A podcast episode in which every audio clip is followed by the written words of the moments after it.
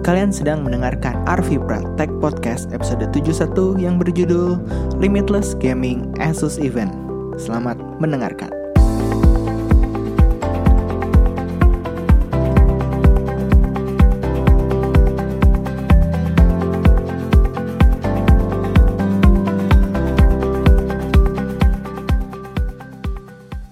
Halo semuanya, apa kabar? Gimana?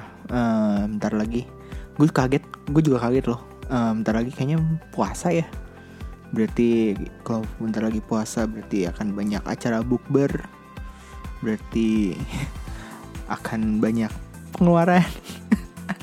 Mending kalau bukbernya gratis nih kalau misalkan banyak pengeluaran. Apalagi bentar lagi banyak banget smartphone smartphone yang rilis ke Indonesia gitu apalagi akhir minggu ini aja nih udah ada uh, dua brand yang um, apa uh, meresmikan beberapa smartphone mereka gitu. Tapi uh, eh ini juga episodenya sebenarnya ngebahas hal, hal itu, cuman sebelum itu uh, gue pengen ngasih tahu dulu kalau uh, jadi Arvi Pratek podcast ini gue udah gue coba kembangin, gue coba maksudnya nggak konten yang gue berikan itu nggak cuma sekedar podcast aja, audio podcast aja setiap minggunya, tapi uh, eh, gue apa ya, gue expand ke beberapa platform lain. Kayak misalkan di Instagram gue bikin semacam daily news gitu uh, setiap hari ini, tapi kayaknya akan gue uh, kurangin si apa namanya uh, intensitasnya. Jadi kayak mungkin dua hari sekali atau tiga hari sekali Terus juga ada di Instagram uh, rekomendasi aplikasi mingguan yang uh, di post setiap hari Sabtu. Selain di Instagram, uh, gue juga pakai Twitter sebagai uh, kumpulan sumpah serapah. Jadi di situ mungkin kebanyakan isinya ngomel-ngomel atau misalnya ngomentarin yang gak jelas atau apalah uh, bercengkrama dengan komentar-komentar lainnya gitu. Uh, jadi ya di Twitter gue akan coba lebih aktif aduh sorry. Lebih banyak nge-tweet dan segala macam dan uh, blog juga tetap uh, konsisten dengan uh, hashtag Kamis nulis. Uh, jadi setiap Kamis akan ada blog poster baru. Uh, ya gue usahain konsisten lah di antara semua itu. Cuman tetap yang gue prioritasin yang pertama adalah si podcast ini. Jadi kalau misalkan ada uh, apa namanya uh, gimana ya kayak gue harus milih apakah gue harus mengerjakan podcast dulu entah itu scripting entah itu recording entah itu editing atau mengerjakan konten-konten yang lainnya ya gue memilih untuk ngeberesin podcast dulu baru kerjaan lainnya dikelarin gitu kayak gitu. Seperti itu. Oke okay, uh, eh, jadi sebelum mulai gue mau jelasin dulu ya kondisinya gimana ini gue baru banget nyampe rumah setelah event yang ada di judul. Loh kok bisa? Kan acaranya beres jam setengah empatan. Ya ada something something yang perlu didatangi ada beberapa yes kayak after partinya gitu. Uh, terus ya ada beberapa hal yang harus diikutin gitu. Uh, dan mungkin sekarang video hands on atau unboxingnya udah rame ya di YouTube gitu kan di portal berita online juga udah beberapa apa beberapa udah naikin berita terkait si event ini.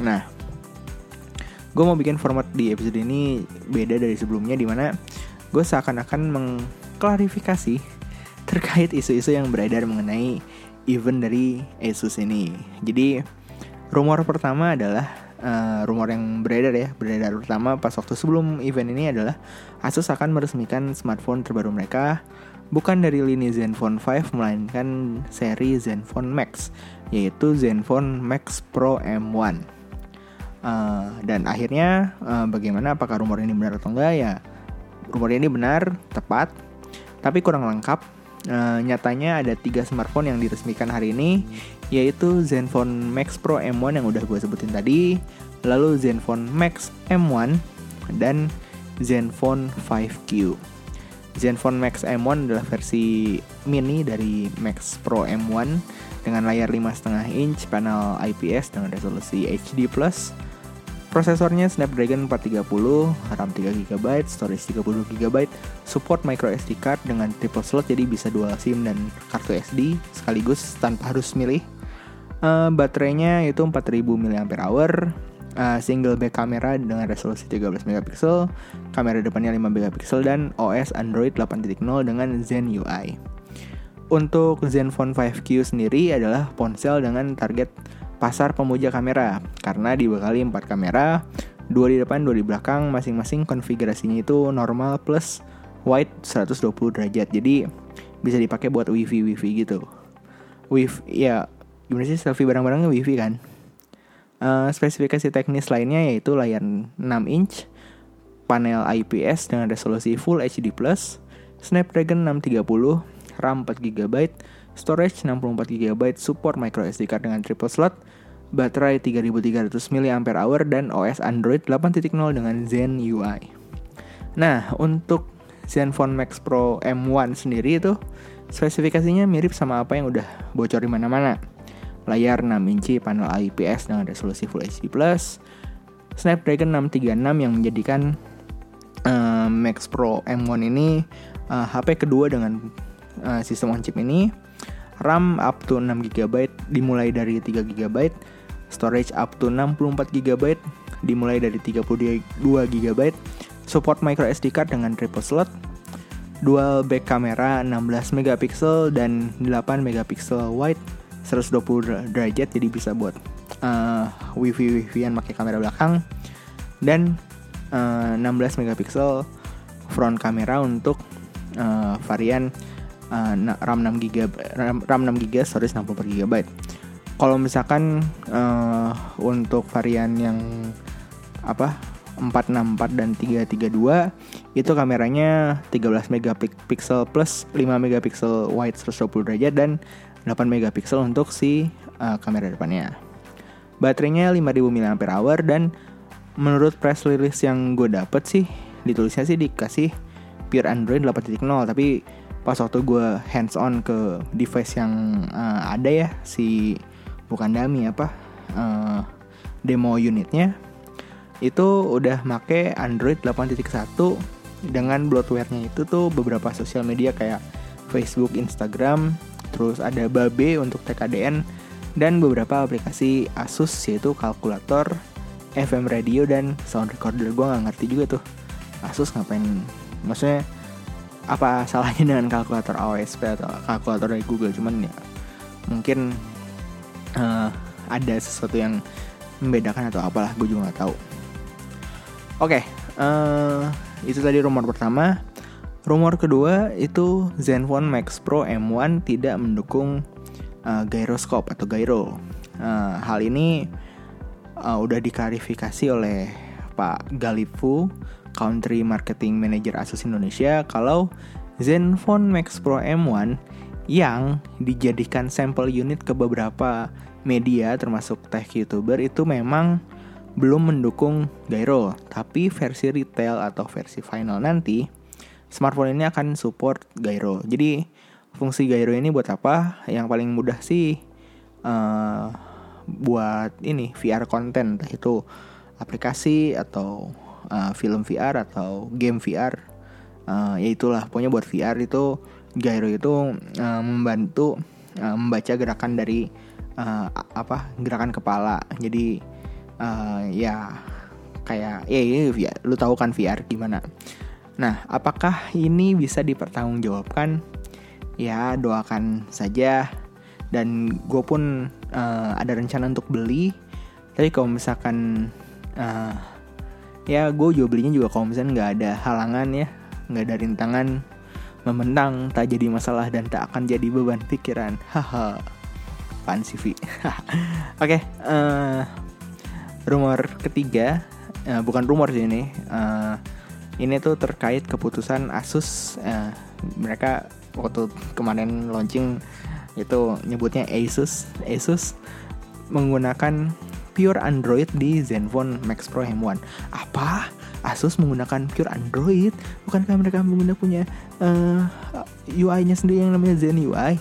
Nah, ini gue juga sempat nanyain uh, mengenai hal ini uh, terus juga nanya juga mengenai untuk dukungan update ke depannya gitu. Nah, jawaban yang gue terima adalah Max Pro M1 uh, ditujukan untuk gamer yang memerlukan uh, semua performance smartphone ke game itu sendiri. Keputusan Asus menggunakan pure Android adalah agar para gamer tidak ada kendala saat memainkan game karena vendor vend, apa UI dari vendor gitu kayak Zen UI dan kawan-kawannya nah itu rata-rata menggunakan beberapa resource uh, si hardwarenya uh, untuk berjalan di background dan membebani si aplikasi yang sedang running termasuk game gitu. Gue udah nyoba main AOV tadi di demo unitnya dan apa ya uh, cukup misalnya kan. Mungkin karena gue juga jarang juga sih uh, apa ngerasain gameplay frame rate tinggi gitu. Karena di komputer juga gue seadanya gitu nggak nggak gua bisa panteng 60 fps gitu. Cuman pas waktu gue main tadi emang ngerasain cukup perbedaan uh, di dengan apa yang pernah gue mainkan di device sebelum sebelumnya gitu. Uh, walaupun perlu dicek lagi apakah akan throttling dalam jangka waktu tertentu dan bagaimana performa maksimalnya gitu. Soalnya kan di advertisingnya kan wah ini bisa main game PUBG 7 jam nonstop gitu. Cuman uh, eh, 7 jam itu pasti uh, apakah dalam 7 jam itu mungkin si CPU prosesornya atau SoC-nya akan throttling gitu kan? Jadi dia nge apa nge slow down si clocknya gitu biar bisa adem lagi atau gimana juga nggak tahu juga. Itu harus di menurut gue tuh harus diuji uh, seperti itu. Dan kira-kira performa maksimalnya tuh gimana gitu performa maksimal dalam arti hmm, sekuat apa sih si 636 ini dalam menjalankan suatu game atau suatu program gitu seperti itu nah uh, Zen UI sendiri uh, akan tetap ada di device lain seperti Max M1 dan Zenfone 5Q karena ada beberapa fitur tambahan yang untuk menunjang aktivitas sesuai dengan target market mereka. Untuk update sendiri, pihak Asus tidak menjanjikan apa pun tapi mereka cukup pede mengenai hal ini. Jika dilihat dari apa ya pas waktu gue tanya sih Pak uh, Galifu sih bilangnya kalau uh, sebelum-sebelumnya tuh Asus uh, rada sedikit generous gitu eh bukan sedikit maksudnya cukup generous gitu untuk memberikan update kayak Zenfone 2 yang di dapat update sampai Marshmallow dan Zenfone 3 yang dapat sampai Oreo gitu. Uh, jadi ya apa uh, walaupun bukan suatu keunggulan tapi uh, update akan tetap ada dan Asus nggak kayak di, mereka mereka bilang sih Asus nggak akan rilis terus ninggalin si HP-nya itu begitu aja gitu katanya katanya sih gitu cuman kan kita juga nggak tahu ya um, manis-manisnya ucapan gitu selain itu tadi beberapa rumor yang mungkin uh, ingin gue sampaikan. Terus ada beberapa hal yang ingin gue tanyakan dan gue apa ya cukup penasaran lah sama si device ini. Yang pertama adalah apakah device ini mendukung Project Rebel? Jadi Project Rebel itu uh, suatu jurus andalan dari Google yang memisahkan apa ya gampangnya gini deh. Dengan Project Treble ini update software itu nggak melulu harus melalui vendor. Lang bisa langsung dari apa Google dan vendor bisa menjalankan update masing-masing secara mandiri dan nggak perlu saling kan biasanya uh, Google bi uh, rilis update nih. Nah update tersebut masuk dulu ke vendor vendor baru dari vendor baru masuk ke HP jadi kayak lebih lama gitu. Sedangkan kalau misalnya dengan Project Treble uh, Google Google bisa update sendiri, vendor juga bisa update sendiri gitu. Uh, jadi kayak misalkan Google buat update si Android sistemnya sama security patch, kalau vendor buat UI-nya dan segala macam kayak gitu sih. Nah, uh, kenapa gue bisa kepikiran terkait uh, adanya apa adanya treble di Zenfone Max Pro M1 ini karena pas waktu gue cek si kernel version dari smartphone ini tuh ternyata kernel versionnya itu 4.4 rata-rata hmm, kebanyakan Android si kernel versionnya itu 3.18 yang berarti secara kernel tuh udah support treble gitu.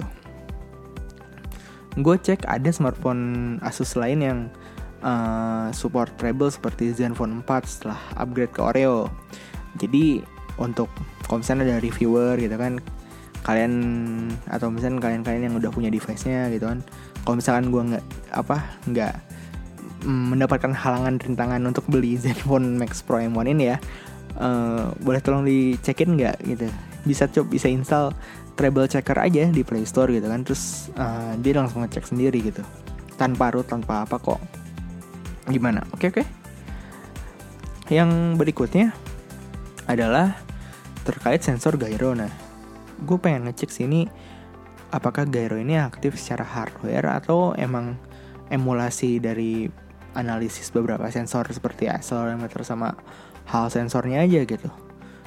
Sebenarnya gue juga nggak tahu sih cara ngujinya gimana. Apakah mungkin dengan membandingkan dengan device yang punya gyro dedicated atau gimana. Cuman uh, karena cukup unik aja sampel unit tidak dukung gyro tapi uh, final produknya mendukung gyro. Apakah uh, memang belum diaktifkan secara software atau memang gyronya hasil emulasi software. Tapi ya gue juga nggak tahu. Belum belum punya device nya gue belum bisa ngomong apa apa lalu selanjutnya yaitu uh, si flash charge yang pas waktu presentasi bilangnya ngecas baterai 5000 mAh cukup sekitar 2 jam berapa menit 2 jam 20 2 jam 30 menit gitu. Gue lupa. Lupa lupa inget lah. Uh, nah apakah si flash charge ini bagian dari teknologi Qualcomm atau cuma standar 5 volt 2 ampere aja gue penasaran. Karena kalau misalkan uh, gue cek yang beberapa di website di India unboxingnya ya dikasihnya cuma charger 5 volt 2 ampere doang. Nah kalau misalkan ternyata mendukung sampai quick charge 3.0 kan lumayan itu. Soalnya gue juga udah invest beberapa charger gitu kan jadi ya gitulah. Dan yang terakhir adalah aduh kenapa sih masih pakai micro USB ya mungkin wajar sih kayak karena adopsi USB Type C di Indonesia juga masih minim gitu kan. Cuma ya ini yang jadi barrier buat gue untuk memiliki HP ini gitu. Ah ya alasan aja Luffy. Harga udah murah murah gini masih minta lebih. Oh ya, uh, terkait harga, uh, jadi Zenfone Max M1 itu dikasih harga satu juta delapan ratus sembilan puluh sembilan ribu rupiah. Kalau Zenfone 5Q itu bisa kalian beli di harga tiga juta empat ratus sembilan puluh sembilan ribu rupiah. Lalu untuk Zenfone Max Pro M1 itu ada tiga varian. Untuk yang varian 664 RAM 6GB, storage 64GB bisa didapatkan dengan bandrol Rp3.299.000 rupiah. Untuk varian 464 itu harganya Rp2.799.000 rupiah. Dan untuk 332 itu Rp2.299.000 eh Rp2.299.000 rupiah dengan promo Ramadan sale di Lazada harganya jadi Rp2.199.000 rupiah. Uh, harga ini metode belinya cuma melalui flash sale pada tanggal 25 April, 2 Mei, 8 Mei, 15 Mei, 22 Mei, dan 29 Mei. Selain um, Max Pro M1 yang 332 itu akan tersedia di Lazada mulai 25 April dan uh, gue sih dapat gue sih dapat bocorannya ya. Ini jangan dikasih tahu banyak banyak. Ini cuma bocoran aja. Jadi bocorannya adalah uh, akan dijual juga di offline store dengan jarak satu minggu berikutnya dengan harga yang sama. Kayak gitu, jadi harganya nggak beda. Dan gue juga nggak tahu apakah perlu ngantri atau gimana. ya gitu. Oke, itu aja untuk hari ini. Uh, besok Rabu akan ada launching lagi dan Infinity War. Jadi uh, gue sangat nggak sabar sangat nggak sabar ya gue nggak sabar untuk nonton film ini terima kasih sudah mendengarkan podcast ini gue seneng banget kalau misalkan kalian bisa kirim kritik saran cacian dan atau makian gitu kan ke email kotak surat at arvipra.my.id atau media sosial di Instagram, Twitter, dan Facebook page.